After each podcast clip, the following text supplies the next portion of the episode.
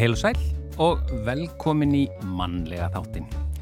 Í dag er mánudagur og það er 19. júni, þetta er 170. dagur ársins, samkant gregoríska tímatalinu, 195 dagar eftir árinu á Íslandi er dagurinn helgaður kvennréttindum og Gíja Holmgistóttir er stött á Akureyri. Já, svo sannarlega. Og við skulum líta yfir farin veg hvað hefur gerst á þessum degi gegnum tíðina. Árið 1794 Magnús Stefansen og fleiri stopnuði hið Íslenska landsuppfræðifélag til þess að vinna menningamálum í landinu. Já, uh, 1870 upphaf fólksflutningana miklu til Vesturheims uh, er miða við þennan dag, það er að segja að það er miða við að þrýr íslenskir menn sem fóru frá Eirabakka komu til Kýbekk þennan dag. Mm, og 1886 Kaufélag Eifirðinga var stopnað. Hamingju, norður með það.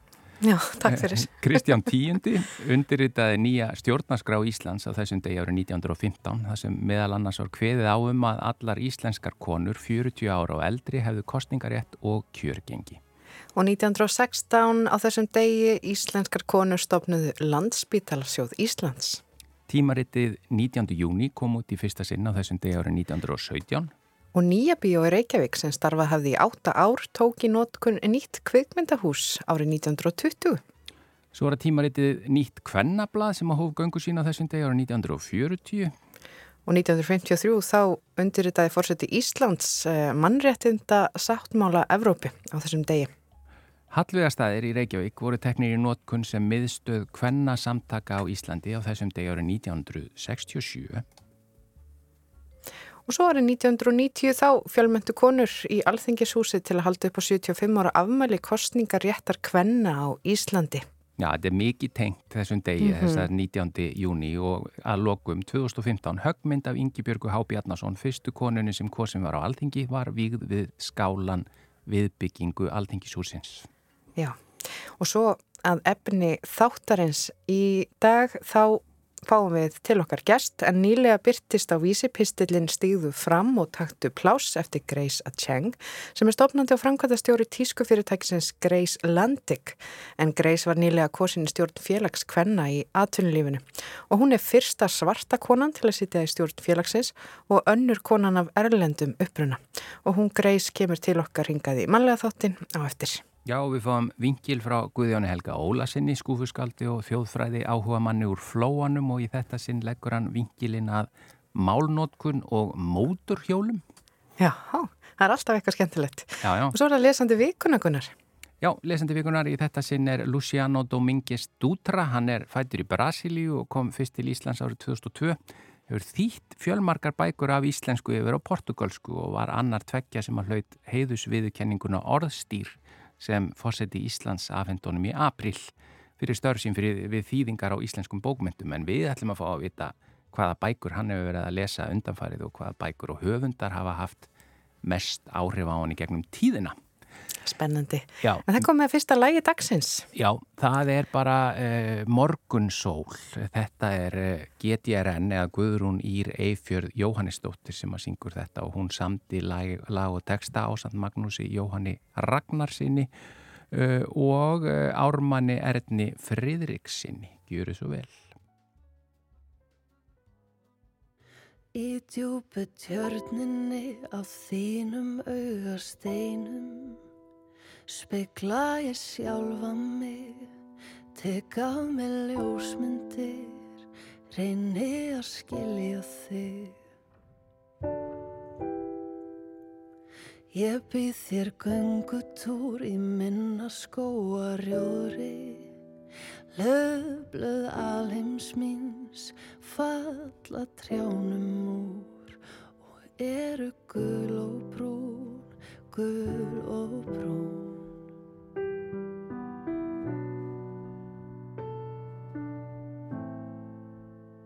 Ég er enn á þína lykt, hún minnir mig á frelsi Leip úr ringiðum, völundar húsunum Með veggjur sjónspilum Og svarta himna umslag með frímerki úr mána Fylltu mína eina skál af þínu tónsljósi sem ég get dregt mér í, dregt mér í.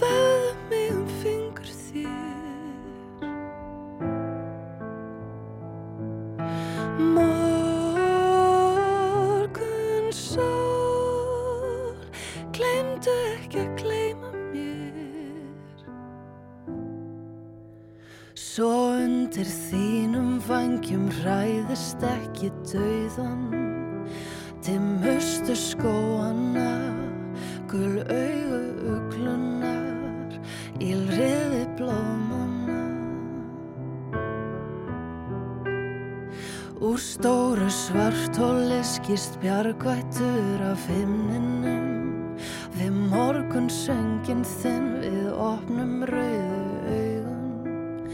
Með þitt frá eiliðin að ífa ljósa lokkana Á stregar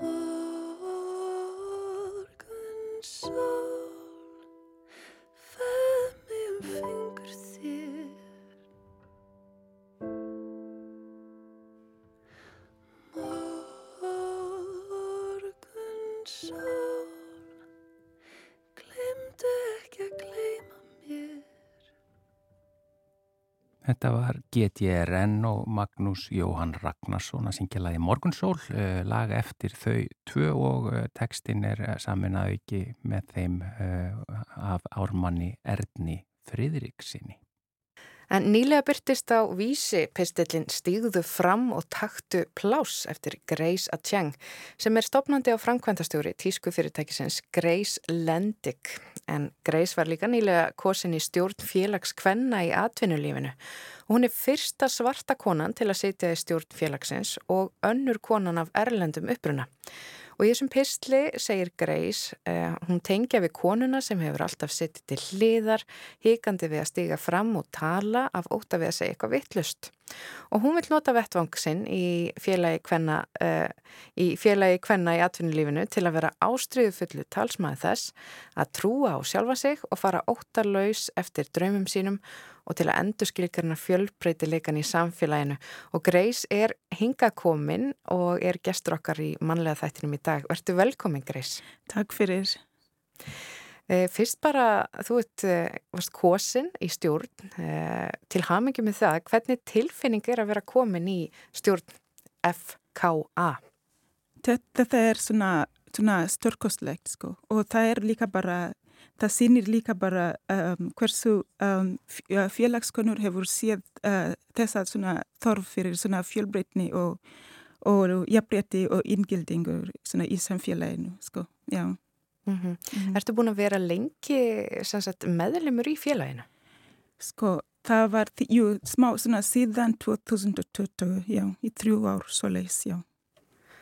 Og var það á sama tíma og þú varst að stopna þá fyrirtækið þitt eða? Já, Ég stopnaði fyrirtækið, uh, fyrirtækið var, var það ekki september 2020 og í eitthvað oktober var ég komin í félaginu. Já. Já. Og aðeins að pislinum aftur, mm -hmm. e, þú segist að fengi þessa kostningu vegna þess að þú þorðir að rétt upp hönd Mhm. og eitthvað sem konur af erlendum uppruna þor ekki alltaf að gera, sérstaklega þar sem eru ekki hvítar Já. og þú segir líki pislinum að þú tengi við kona sem hefur alltaf setið aftast, Mhm. híkandi við að stíga fram og tala af óta við að segja eitthvað vittlust. Já. Um, þú ert að lýsa svona halv ósynlegu fólki þá í samfélaginu. Já. Já, ég myndi segja svona ósynileg fólki í samfélaginu eru bara, uh, bara fólk sem eru ekki, eru ekki við hvað, hvað, hvað einkenni að vera ósynileg er bara þegar þú ert ekki talin með í atvinnumarkaði eða rótin, þinn svona gildir ekki í samtali. En ég er sjálf bara alveg upp í þann menningu og uppeldir þar sem bort og konur eiga ekki rót svo hef ég ég hef svona uh, barist við að finna röddina mína og ég hef verið uh, þann stúlkan sem er feimin og hljédræg við að trana sér fram sko. og Mm. þess vegna vil ég sína að allir geta stíð fram og látið í sér heyra Já. og ég Já. bara, líka bara vil að sína stúlkum og konum að þú getur rétt upp hond og láta í þér heyra óháð þjóðerníkin þætti samfélagsstöðu fotlun eða hvaða skil, skil, skilgreiningu sem er og bara þordu bara að stíga fram og taka plás. Hvernig er þú, hvenar komstu til Íslands? Ég kom árið 2010. Og hvernig var að einmitt að koma hingað og að, að reyna að koma sér að fá vinnu og annað? Var, var það erfitt? Það var mjög erfitt sko. Ég bara, ég, það, það var eitthvað svona spurningum sem maður fæ sko bara, ég man bara að vera spurt spurningum sem bara til dæmis, já ég var bara oft spurt, kemur fólk vel við þig, vel fram við þig og ég hugsaði mig aðeins um hvernig þessa spurninga tengdust svona starfinu áður en ég áttaði mig að, að þær voru komnar út af svona kynþætti mínum sko. Uh, sko, það var mjög erfitt að finna starf og bara, ég bara byrjaði bara að vinna eitthvað svona láglóina svona uh, störfum bara til að geta svona borg, borgað svona lau, uh, uh, reikningum. Re, já. Já, og sko, ég er bara heppin að hafa alist upp í Afrika, svona nánar tiltekið í Kenya. Så ég ólst ekki upp sem útlendingur og var ekkert að velta mér uh, upp úr kynþættinu mínum. Ég er svona heldur ekkert að spá í því sjálf dags, daglega er ég svart, sko, eða, Mhm. eða, sko, ég hef bara alltaf verið í svart, sko, og, og þegar ég mæti, ég, þegar ég mæti í atvinnvittal, vittal, þá mæti ég bara sem Grace, sko, og líka bara það sem ég, ég, ég svona, ég ólst upp í Kenya, det mér aldrei hugar að heimurinn liti á mig og okkur sem minnihlutahóp eða að ég væri í eitthvað botninum á fæ, svona fæðukeðjunni. Ég var, þetta er eitthvað sem kom, kom mér bara svona að svona sjokki, sko. Já, Já. Já. Mm en þú, ég meina og þegar þú fer að sækja um vinnu þá finnur allt í einu að það skiptir bara svolítið miklu máli hvernig þú lítur út og Já. hver er húðliturinn Já, einmitt. sem á ekki að skipta neinu máli í, í því, því samhengi. Já, sko, já, einmitt, sko. Já. Og, og þú vantarlega, þetta er þín saga en hefur um, heyrt, uh, já, vantarlega sambarlega sögur uh, frá fólki í kringu þig. Já, sko. Já, ég get sagt bara að það er svona, ég hef heyrt svona sögu af svona uh, kona sem hefur komið svona, hefur náð svona langt í atvinnulifinu. En þegar hún mæti á svona all, alls konar svona fundum þá er hún oft svona spurt hvort hún mæti til að þrýfa eða eitthvað- svo leis bara. Um, eða bara, ég bara líka bara heyrði um svona eitthvað svar- svartur maður sem var, sem stóð sér vel í sínu starfi og og er beðin um að þjálfa upp íslenska konu uh, sem, sem hún, uh, svo hún getið svona um, komist áfram upp Mm -hmm. og svona orðið að hans uh, yfirmaður. Svo Já. kemst þessi maður að því að íslenska konan sem hann er að þjálfa upp hvers, uh, er, já, er, er á munhæri launum heldur en hann sjálfur. Svo hann fer til yfirmannsins og spyr bara hvers vegna. Og svarið sem hann fær er að hann geti komist af með minna. Að svona, í svona gæsalapi fólk frá Afrika er vant að komast af með, með minna. En, var þetta í alvörunni svari sem hann fekk? Já, já, já, hann fekk hann svona svar og sko þetta maður er, hann er fjölskyldu maður sko með bara alls konar reikningum og bara, já. Og, og bara í íslensku samfélagi eins já, og allir aðrir. Já, við erum ekki í Afrika sko, já, já. við erum bara hér alveg eins og því á Íslandi og bara, og við viljum líka bara fá um, lífsgæði sko. Já, já. Einmitt. Eðlilega. Mm -hmm. En hvernig er sko, þú uh, ert lærið í markasfræði, ekki satt? Já.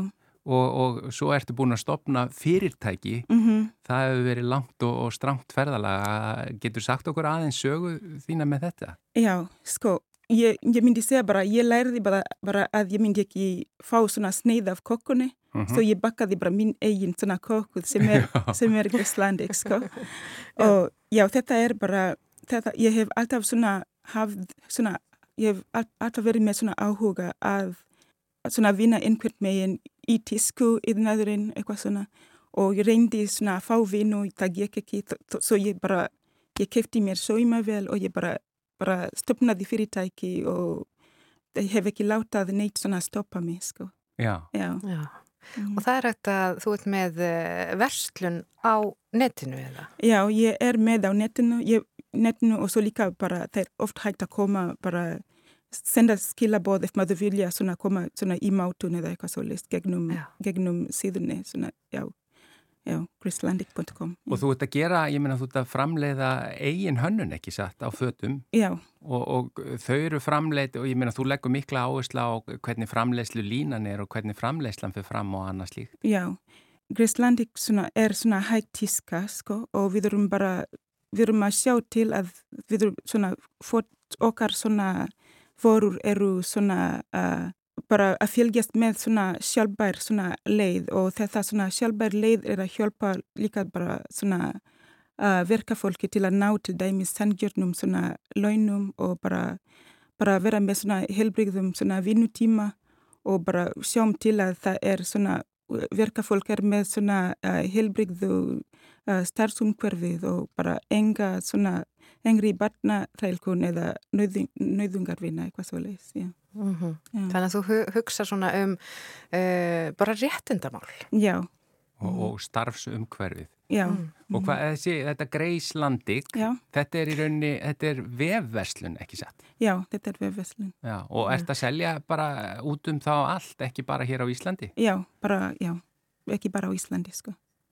Það er svolítið skemmtilegt, uh, heitir Gracelandic, svona Já. pínu minnum hann á Icelandic, uh -huh. Gracelanding, svona að þú ert, þú ert bara, þú ákast að baka kökuna sjálf eins og uh mhm. -huh. sagðir áðan, út af því að til þess að fá bara þína sneið af kökunni uh, og, og það er gaman að pæla í tungumálinu. -huh. Uh, þú minnist einmitt á það í þessum pistli, þú upplifir tungumálið, svona pínu líka sem auðvitað þetta að stundum með fólk ekki ráðið í vinnu út af því að það talar ekki tungumáli en þú segir að það sé kannski ekki vandamál þegar að hvít fólk er ráðið í samskonastörf. Hvernig hefur tungumáli svona, hvernig hefur þú upplifað þetta? Ég bara, ég fréttaði um þennan svona gogunaróð, sko, gogunaróð frá svona kona sem uh, hún, fór, hún var að leita vinnu í eitthvað svona, svona stór uh, íslensk svona fyrirtæki mm. og hún, uh, hún bara þurfti að sanna að hún var með, hún var með svona íslensku svona kunnáttu sko. og Já. hún var líka komin í nám svona björn íslenska sem annað mál og hún svona viðtalið fór á svona íslensku en samt var hún bara beði núma beði núma að koma með svona góð sem með tvo svona íslendingum með svona votun að hún var svona hún var komið með tungumálið svona á hreinu En samt viku síðan var eitthvað kona frá bandaríkjanum sem var ráðin í starfi og hún talaði ekki orð á íslensku, sko. Og þetta er líka bara uh, enskumælandi svona uh, vinnustarf, sko. Og hún sagði mér af þennan svona uh, gogunaróð þar sem bandaríkjaman sem er kvítar, svona, svona fólk frá svona Brettlandi, svona uh, Kanad Kanadabúar og svo leið, sko. Og, svo sagði mér hún að, að þar sem hún var komin frá svona uh, Östur-Evrópu þá er þetta svona kokunaróð sem endar á kon, hvitkonur konur frá uh, Östur-Európu sko. og svo ég bara, ég fann bara, ég var ekki í listanum, sko. ég var alls ekki þar sko. þá ég bara, ég hef bara ég bara hef þegar ég, ég var líka að vinna á svona lálunæsturum stundum fekk ég ekki svona starf bara ég var bara stakt bara vegna tungumálið en það var kannski uh, konum frá svona, svona austur-Evropu sem var að fá svona störf án þess að, að, að tala svona að tala ekki svona uh, íslensku sko. Já. Já. -hmm. Í, í greininni sem þú skrifar á vísi þá talar einmitt um þessa goggunaröðu í rauninni að, að það eru bandarækjumönd breytar eða þú, Evrópubúar hvít, hvítir sem mm. eru kannski efstir og svo kemur austur-Evrópa. Svo neðst er þetta komin þá er þetta komin út í dekri húðlitt Já, innmitt og bara, já, því dek, dek, dekri sem maður er bara, það er bara, já.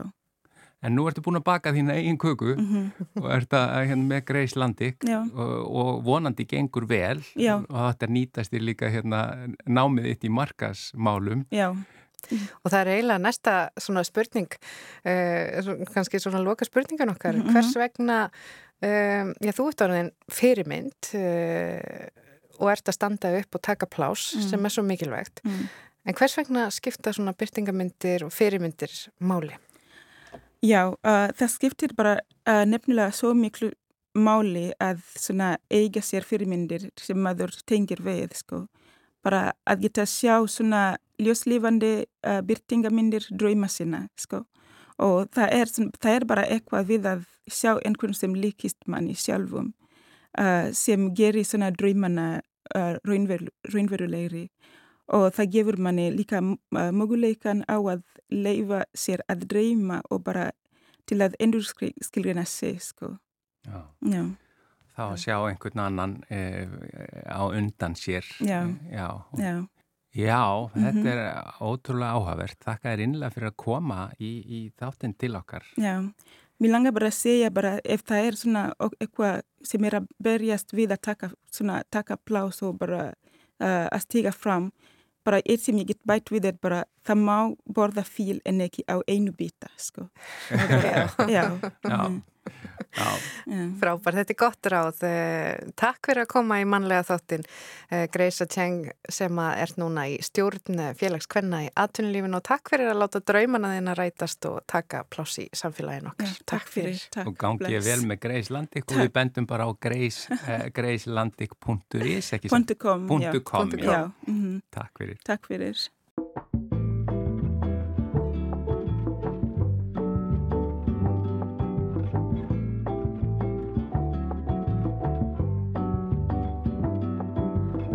moved out to a new city. June is dawning down on me, and all that I can find a sickly romance in the air. Lovers stroll without a care inside. Ooh, this can't be. Cause the sun's engaged to the sky, and my best friends found a new guy. I'm only getting older. I've never had a shoulder to cry on, someone to call mine. Everybody's falling in love, and I'm falling behind.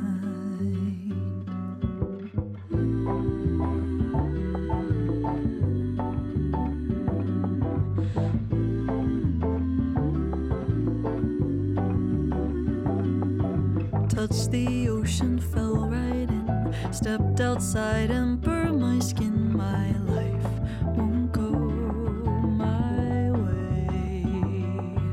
Bossa Nova in my room. Hope that I'll find someone to to love. Because the sun's engaged to the sky. My best friends found a new guy. I'm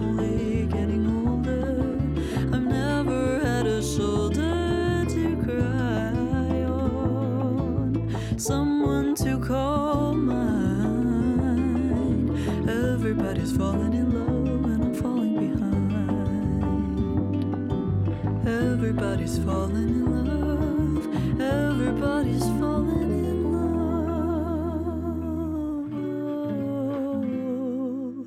love. Everybody's falling.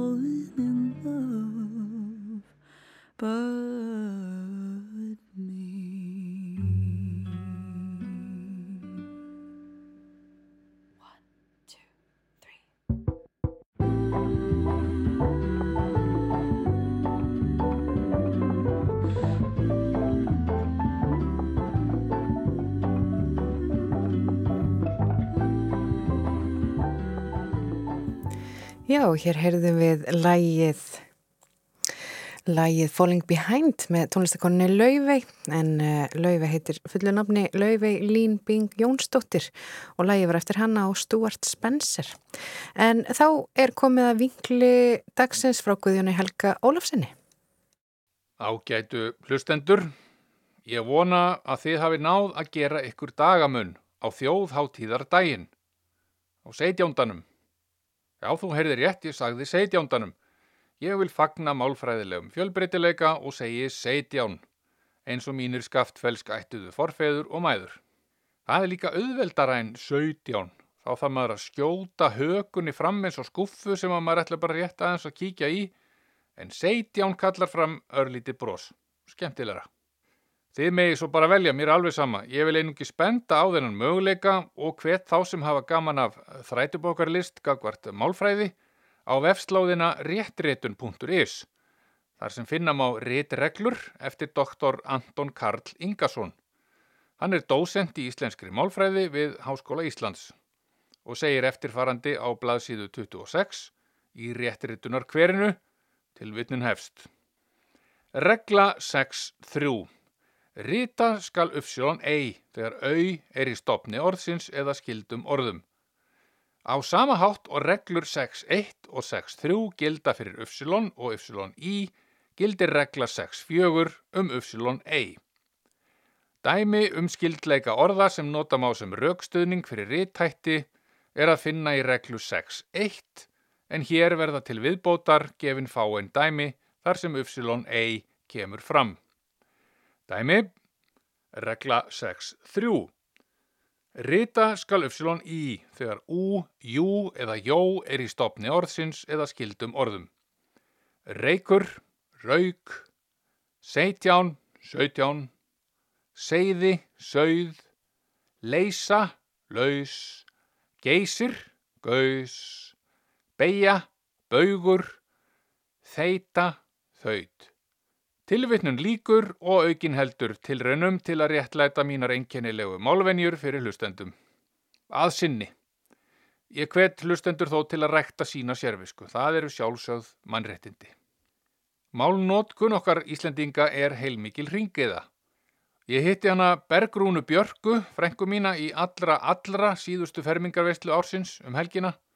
Hún er 16 ára og talar bæði hratt og mikið en er líka óþreytandi við að útskýra fyrir okkur gömlu risaðilunum orðanótkun sem í fyrstu kemur framandlega fyrir sjónir en þegar betur er aðgáð eru nýjirðin bara hluti af eðlilegri þróun lifandi tungumáls.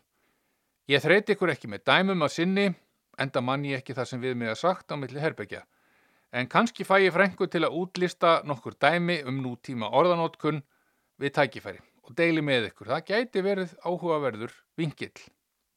17. júni er þjóðhóttíðar dagur okkar Íslendinga. Söguna þekkjum við vonandi öll, en merking dagsins er sennilega fyrir hverjum og einum örlítið mismunandi þegar grænt er skoðað.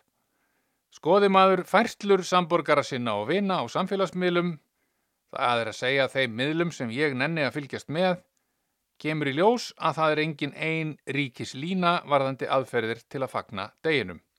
Sumir nota tækifæri til að klæða sig upp á og spóka sig á meðal manna, en aðrir fagna deginum við garðvinnu, ferðalög eða útivist. Sjálfur dró ég á mig skárileppana og fór út í hveragerði að hlusta á hana heiðu mína og sólrúnu vinkonu hennar, spila tangóa á fíólín fyrir þjóðhóttíðar gesti í listigarðinum á Fossflöt. Það gekkaði þetta frábærlega hjá þeim og á eftir var ekkit annað í stöðunni en að nota blíðuna og rölda í sunnumörk til að heimsækja ísbúðina. Sennilega er kostulegt að fylgjast með okkur hjónum ganga saman. Því ég fer nú frekar hægt yfir en kona mín ekki. Hún er hins vegar alltaf að týna upp sorp eftir samborgara sína þannig að yfirleitt næja henni nú við einhvern rusladallin. Veðrið var gott, ísin góður og fólk í sínu fínasta sumarpússi spókaði sig í blómahafinu sem ennkennir hveragerði. Á leiðinni í Ísbúðina hittum við vini okkar, þau Guðrúnu, Lárus, Sigrúnu og Jónas, en þeir höfðu nýlokið við að stíga reyðhjól, alla leið úr Reykjavík, austur í hveragerði. Það er nú ekki lítið afrek í mínum huga, sem er reynlega ekki búin að taka reyðhjóli úr geimslunni þetta árið. Hvað þá að hjóla á milli sókna? Þeir blés ekki úr nös og gerðu bara lítið úr þessu. Væri nú ekki svo langt og vegurinn bara ágætur. Ég tek hatt minn ofan fyrir svona afreksfólki. Annars hef ég bara gaman að hjólreðum, virkilega, en viðu kenni að vera ekki duglegur að stunda þær, sem er nú bara leti og ekkit annað. Viður kenni líka að eiga hjól með mótor, sem er mjög gaman að ferðast á og ég nota miklu meira. Það er kannski orðin hálgerð resa eðla í nútíma samhengi og er þá fjæjafnan fóstra líkt í hjóliða bæði stort og þungt en fer þó ekki hratt yfir. Ég er sannfærður um ágæti mótorhjóla til ferðalaga. Þau taka lítið pláss, nota ekki mikla orku, aukþess sem vesennið við að flytja þau á milli landa er bara brota því sem bíl krefst. Gallin við að nota mótorhjól til að ferðast á milli staða er að veðráttan hér á Íslandi er fleiri daga á árinu en færri, óhagstæð aukufólki sérstaklega yfir vetrartíman. Þannig að raunhæf nótkun mótorhjóla til fólksflutninga er bundin við sumarið. Og eins og við vitum er það nú ekki neitt samfeldur góð viðra kapli hér. Þannig einhverji dagar detta nú útaf fyrir dagskrá af eðlilegum orsökum. Svo er annað mál sem kannski tefur fyrir því að við Íslendingar nýtum okkur mótorhjól til að ferðast á milli staða en það er svo staðrind að við notum bílana okkar fyrir úlpu og húfu og erum búin að vennja okkur á það. Viljum aður aka mótorhjóli er skinsamlegt og neðsynlegt að klæðast hlýðarfatnaði við hæfi og það hreinlega varða við lög að nota ekki hjálm við akstur þeirra, svo dæmi sér tekið.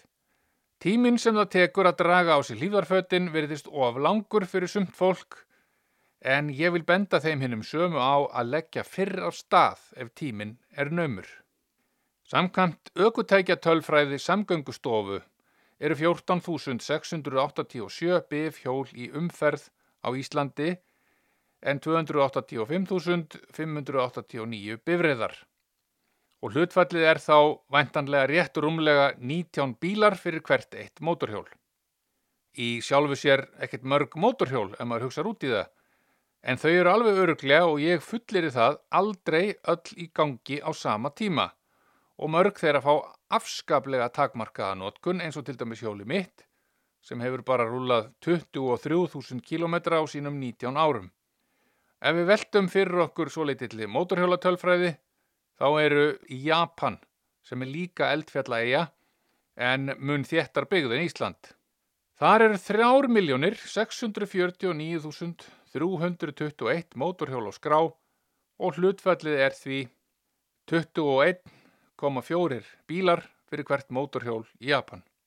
Þannig að það er kannski hagstaðar að aka um á mótorhjóli í Japan með tilliti til veðurfars en vissulega eru almenningssamgöngur þar mun þróaðari og þar á leiðandi meira notaðar heldur en nokkuð tíma hér á klakanum. Ég hef nú ekki ferðast svona langt östur úr sjálfur og hef ekki persónulegt sjónarhótt en meðan við kvikmyndir og fréttathætti virðast mér vera mjög mörg mótorhjól á Tælandi. Fletti því upp á ganni og sé að íbúarlandsins eru 66 miljónir og 90.000 rétturumlega. Þar eru á skrá 20 miljón og 60.000 bílar en korki meirinni minna en 22 miljónir mótorhjóla. Þannig að hlutfallið er 1,1 mótorhjól á móti hverju meinum bíl. En það er vist eitthvað hlýra en hér, skilst mér. Sjálfsagt væri gæfilegra fyrir mig persónulega að nota reyðhjól meira en mótorhjólinu mínu gamla til varnar kemst ég fjóra kílometra á því fyrir hvern einn á bílnum með tilliti til eldsneitisnótkunar.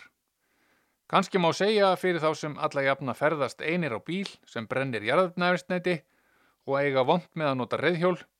Hér neyðist ég til að skjóta því inn að mér myndi ekki endast dagurinn til að hjóla í vinnuna og tilbaka og erði þá nær dauða einn lífi af þreitu og þar á leiðandi ekki eftirsóttur starfskraftur. Já, þeir gætu sparað heilmikið og skemmt sér um leið við að aka á mótorhjóli þá daga sem veður leifir. Skemtanagildið er ótvírætt og snýst alls ekki um að aka hratt eða með einhvers konar ofsa. Í raun er afar lágt hlutfall þeirra sem aka vélhjólum með neyðir í þá átt og rétt að taka fram að stærsti kaupendahópur nýra mótorhjóla er fólk á mínum aldri, fætt á síðasta þriðjungi síðustu aldar eða jafnvel fyrr, þroskaðir einstaklingar sem sagt. Aki maður góðu mótorhjóli á sæmilegum vegi, maður býður nú ekki meira hér, fara öll skilningarvit að starfa með miklu meiri krafti og við skinnjum umhverfið okkar mun sterkar en ella. Veðurbreytingar eins og til dæmis regn eða vindur hafa miklu meiri áhrif enn í bíl, auk þess en við skinnjum lykt með allt öðrum hætti en værum við innilokuð í bíl. Skilningarvitin eru okkur til aðstóðar við það markmið að halda okkur lifandi aðeins lengur. Það er hættulegra fyrir ökumann biffjóls að lenda í óhappi heldur en ökumann bifriðar. Við erum ekki með búr úr gleri og stáli utanum okkur og það sem er hættulegast fyrir fólk á mótorhjólum er ekki hjólinn sjálf, vegirnir eða hlýðarfötin þó að þetta skiptiðu máli. Það sem er hættulegast fyrir fólk á mótorhjólum er fólk sem ekur bifriðum. Þau fylgjast ekki nógu vel með eru kannski að skrifa skilaboð á síman sinn á meðan er að keira, skipta um lag í útvarpinu, tengja hleðslusnúru, tala við farþega, öskur syngja Paradise by the Dashboard Light eða Nessun Dorma og mótorhjólinn virka lítil í fjarska en eru svo fljót að nálgast. Fyrst að ég hef þetta tækifæri til umferðarfræðislu, langar mig að nýta það með þessum orðum, mótorhjólafólk, passið ykkur á bílunum, farið varlega og verið í lægi. Bílstjórar horfið tvísvar á mótorhjól, ekki svína í veg fyrir þau, farið varlega og verið í lægi. Komum heil heim, góðar stundir.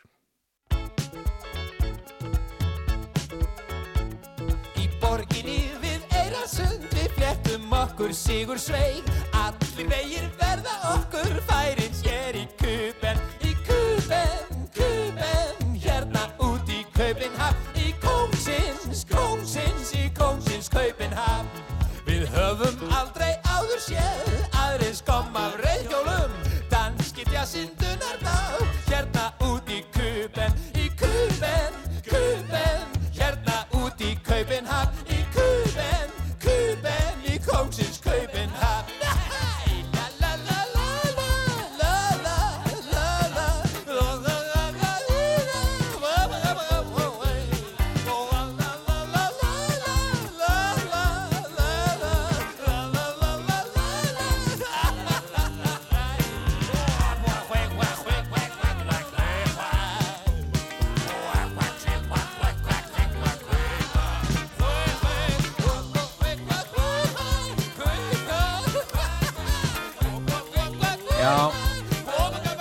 þetta lag þekkja nú uh, flestir hlustendur úr uh, kvikmyndinni með allt á hreinu. Þetta eru stuðmenn uh, og lagið ferðalag, þar sem að stuðmenn enduðu bara í köpen, í kongsins köpen með ótrúlegum fjölda reyðhjóla og ég veit ekki hvað og hvað, en voru reynda sviknir þangað. En hingað er komin núna lesandi vikunar. Það er hann Luciano Dutra. Velkomin og takk fyrir að taka þér þetta Takk fyrir að bjóða mér. Þú fættist í Brasilíu, Já. uh, komst hingað hvað, 2002 fyrst? 2002, já. Já, og, og ég spyr nú yfirleitt bara hvers vegna í óskupunum kemur uh, hingað? Bara til að læra þetta fallega tungumál sem er, var og er ekki enn hægt að læra í Brasilíu. en þú fyrst áhugan þar á íslensku eða hvað? Já. Hérna, í Hver, gegn- hvernig kom það til? Já, það er hérna, við, oft segjum við í Brasilíu að hérna, verstu hlutir í lífi okkar er argentinumönnum að kenna Nú, og það er tilfelli. Ég var að lesa og þýða sonnetur hans Jorge Luis Borges já, og þar kemur uh, Ísland eða réttar að sagt kannski uh, Íslandinga sögur og uh, eddukvæði og, og já, svona uh, þessi hérna, fortbókmentir Íslandinga eru fyrirferða mi mikl, miklar þar. og þar færðu bara áhugan og, Já, ég hef aldrei heyrt um þetta áður Já. og var bara forvitin og fór að hérna, útvega mér bækur, orðabækur og þýðingar á tungumálum sem ég skildi þá og, uh, og reyndi að hérna, þýða um, snorra ettu. já byrjar ekki á garðinu sem hann er lagstur. Já, Þannig að, og svo náttúrulega fattaði, ég fljótt að þetta er ekki tungumál sem þú lærir bara svona sjálfur. Já, já, já. Að leggja stund á þetta almennilega og sótti um stöðu hér við Háskóla Íslands til að læra þá íslensk sem annan mál sem heitir núna en hér þá íslenska fyrir elenda studenta. Já. Og uh, ég var að vera svona þrýstur og vissi ekki hvað ætti að gera í úr lifinu mínu og þetta var, voru öllauinn minn að læra íslensku og verða þýðandi úr íslensku yfir á portugalsku. Til að gera bara langa sögust út að þú ert búin að stofna fyrirtæki uh, í kringum þetta og þú þýtt fjölmarkar bækur og varst að fá velun. Það er he þessi heiðursviðurkenning orstýr frá Já. bara úr hendi Fosta Íslands. Alveg rétt, þetta gerist núna á bókmyndaháttíð uh, og þetta var bara óglimalega stund. Uh, fjölskylda mín, kona og, og barn okkar, Andri Bjartur, sem er að verða tveggja ári í september, voru þarna. Já. Þetta var hana, já, mjög tilfinningatröngin stund og, og svona kannski á, áminningu á, því af hverju er komið hingað og hvað ég ætla að taka að mér næst. Og þú ert e, meir og minna, ég meina, íslenska bókmyndir og ekki bara íslenska, heldur norrænar e, frá e, Skandinavíulöndunum og, og Norrlöndunum yfir á portugalsku. Já, yfir Já. á portugalsku alltaf, já. Og bara fyrst að Petro Gunnlaug Garcia var hérna hjá okkur um daginn að þú ert að þýða ekki sett lungu. Já, þetta er næsta verkefni uh, hjá mér að þýða lungu fyrir brasilíska markað og svo er annan síðandinn sem þýðir hana yfir á, portugalsku Portugal þannig séð. Já, svona aðlagar, aðeins aðeins. munu þar að, já. Ég var einmitt að spíða Ég- forvitin um þennan mun á milli Brasilíu og, og, og eða þessi portugalskunar í Brasilíu og Já. Portugal. Í stuttum máli get ég sagt að þetta er, þetta er sama tungumál en þetta eru tveir mismunandi bókamarkaðir. Já. Þetta er svona líka í, kannski þeirra hag Portugala að verða aðeins bóka, bóka uh, yðnaðin þeirra. Já. Annars myndi bækur frá Brasilíu bara streyma eins og enginn væri morgundagur og þá bara yrði bara útgefundur í, í, í Portugal bara aðgerðarlaus. Já, já. Þetta er stærðarmunur. Það myndi flæða bara yfir allt. Heyrðu, en vindum okkur í að þú tinga komið sem uh, lesandi vikunar. Já. Hvaða bækur koma fyrst upp þegar ég spyrði hvað þú hefur verið að lesa undanfarið? Uh, ég er tengt- Já, tengt starfinu. Þannig að hérna, tvær bækur sem ég ætla að nefna hér eru bækur sem ég hef þýtt. Eina, uh, fyrsta heitir uh, Mörkrets makter uh, sem er sænsk uh, þýðing og aðlögun uh, af, á uh, Dracula eftir Bram Stoker. Já. En það er hérna ókunnur þýðandi, uh, skástrík, höfundur, Mm uh, sænskur sem, sem ekki er vitað með vissu hver var, já. sem bara í raun og veru gerði smá svona bara stórkostlega breyting við þessari bók í raun og veru og hún er helmingi lengri í, í, í, þessari sænskri útgáfu og ég myndi segja meira spennandi líka vegna að það eru pólit, uh, svona stjórnmála uh, vingilt sem í raun og veru hann er þessi Dracula þarna sem heitir að vissu Draculits í þessari útgáfu. Já. hann er nokkuð svona, uh, Hitler á undan sínum samtíma hann Á, mjög margir þekkja bara Bram Stokers sko Dracula Já. og þetta er þá bara búið að spinna við hana talsvert. og, og gera hann að meira svona pó, kannski pólitískara heldur en, en, en frumutgáfuna eða Bram Stoker útgáfuna og það eru margar personur þarna sem koma ekki fram í Bram Stoker Á, hjá Bram Stoker, já, og hérna einmitt þessi uh, áætlum hjá Draculits er að ná he heims uh, yfirráð Mm. með því að uh, já, bara að vampýrur fari út um allan heim og stjórni bara uh, hinnu veiku í samfélaginu þeim honum finnst eða hann er á því að vampýrur eru æðri hinnum í samfélaginu og þar með þetta var svona félagslega svona darwinismi Já. ríkjandi á þessum tíma þá Ákvæmt að því það er ekki vita segir hver höfundurinn eða þessi sænski höfundur er. Nei, það eru er En nokkuð á sem hvað liggja undir tíma er þetta um það bil? Þetta er uh, aldarmót uh, 1900 og, já, 1800, 1900. já. Já, já, já. Og uh, þetta kemur út í, í Svítjóð sem svona framhaldssaga í uh, daginn, hann að dagblæði og hefur aldrei byrst sem bók fyrir en 2017 þegar makt, makt myrkrana er að slá í gegn í heiminum í enskri tíðingu þá. já. væntalega svona bakþýðingu en í raun og veru ekki þetta er maktmýrkrana sem Valdimar Ásmundsson þýtti og byrti í fjallkonunni á sinnum tíma og síðan ári eftir í, í bókaformi er stýttri útgáfa af mörg, mörgreitsmaktir, það liggur ljós fyrir núna sko. Já, já. þannig að hérna, uh, hún er kannski fjörðung, fjörðung af því sem, sem sænska útgáfuna er og uh, en, en tök sé að uh, maktmyrkana var fundin á sínum tíma 2017, þá hefur líka þessi sænska útgáfan komið í ljós og hefur verið stýtt núna á, á portugalsku og ennsku og ábyggilega koma fleiri útgáfur á, á venst þetta er stór upp, uppgötvun í svona gottneska bókmenta undir heimi Áhugaverð. segja, já. Þú ert með aðra bók þarna fyrir fram að þig, hvaða Jú, bók er það? er íslensk bók og Já. hérna þetta er uh, merking eftir Fríðu Ísberg Já, um, sem var að koma út í Brasilju uh, í þýringu minni og uh, þetta er já, allt, allt, uh, allt annars eðlis bók já, og þó þetta er líka svona uh, dystopía uh, í anda kannski hérna þetta er hérna, Kallocain eftir Karin Boye í, í, í Svíþjóð sem uh, kom út í, uh, undir loksett í heimstyrjaldar.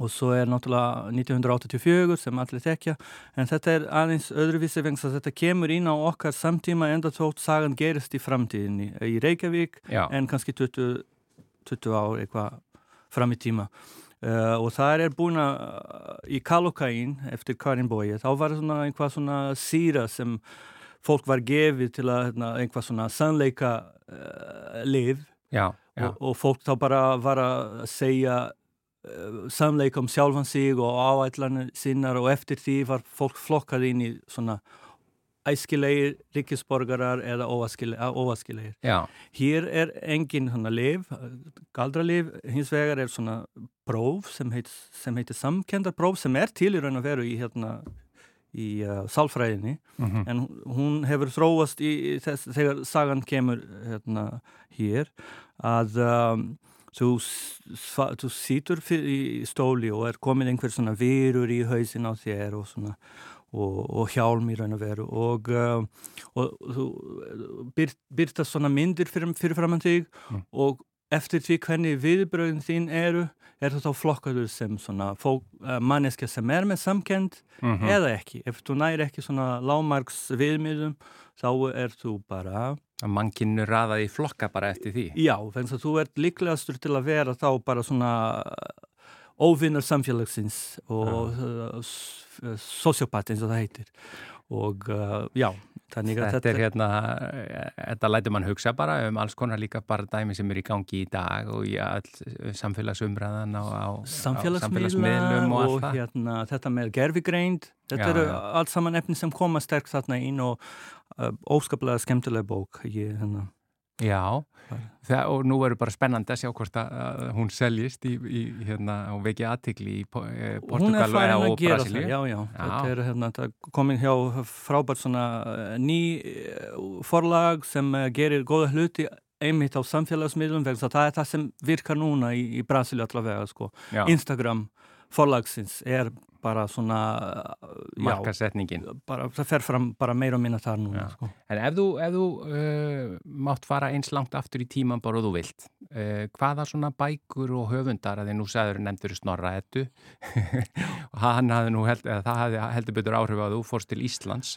en hvaða, hvaða svona höfundar eða bækur kom upp í hugan sem hafa svona, haft sérstök áhrif á því í gegnum tíðina? Já, ég, ég nefndi Borges og ég, ég, ég segi aftur hérna, þessa, þessa sónetur hans Mm -hmm. breytu lífinu mínu sko. þannig Já. að þetta, ef maður er að tala um áhrif Já, þetta er bara svona kannski sterkust áhrif sem bók sem í raun og veru ekki til þannig að sónetur hans eru í margar mismunandi bækur en ekki komna saman í, en ég var að þýða þær bara svona fyrir mig á sínum tíma uh, jú, þannig að þessi bók sem er ekki til og svo uh, í fyrra og núna í ár var ég að lesa í raun og veru tvær bækur um sama fyrirbæra, sama hluti eða hérna uh, punktur í hérna mannkinsögunni og það eru bæði hérna Primo Levi uh, Ef þetta er maður mm uh, sem kom út uh, á íslensku í fyrra. Og Primo Levi er hérna, ítalskur rítöfundur af geðingaætt Mm -hmm. og hann uh, var handtekinn og færður í fangabúð nazista og, og sama með uh, Leif Müller, Íslending Já, já, já, sem, býr lendi- Íslandingu hér. Já, akkurat og líka hérna í fangabúðu nazista sem kom út strax eftir að hann kom heim til Íslands Já. og er uh, talið vera með þeim fyrstu bækur uh, eftir, eftir lifanda úr fangabúðu nazista hún er merkilega því leiti sko. og þetta eru og þau í, í sínum heim, menningarheimum mismunandi en þau tala um það sama með hungrið og skort af mat að, að þá dreymdi um mat nótt eftir nótt og að þau hugsaðu ekkert annað heldur en mat já. þetta var, og Leifur var þá Leifur, Leif eh, Möller var þá bara heppin að fá Rauða Kross pakka til sín og hann lífið af þess vegna sko. Já, já. Þetta eru magnar sögur uh, en Luciano Dominguez uh, Dutra þakka þér innlega fyrir að vera lesandi vikunar í mannlega þættinum í þetta sinn. Við komumst ekki lengri í byli, þættinum er bara lokið hér með, við verðum hér auðvitað aftur á saman tíma á morgun, þakkum innilega fyrir samfylgdin í dag. Verið sæl.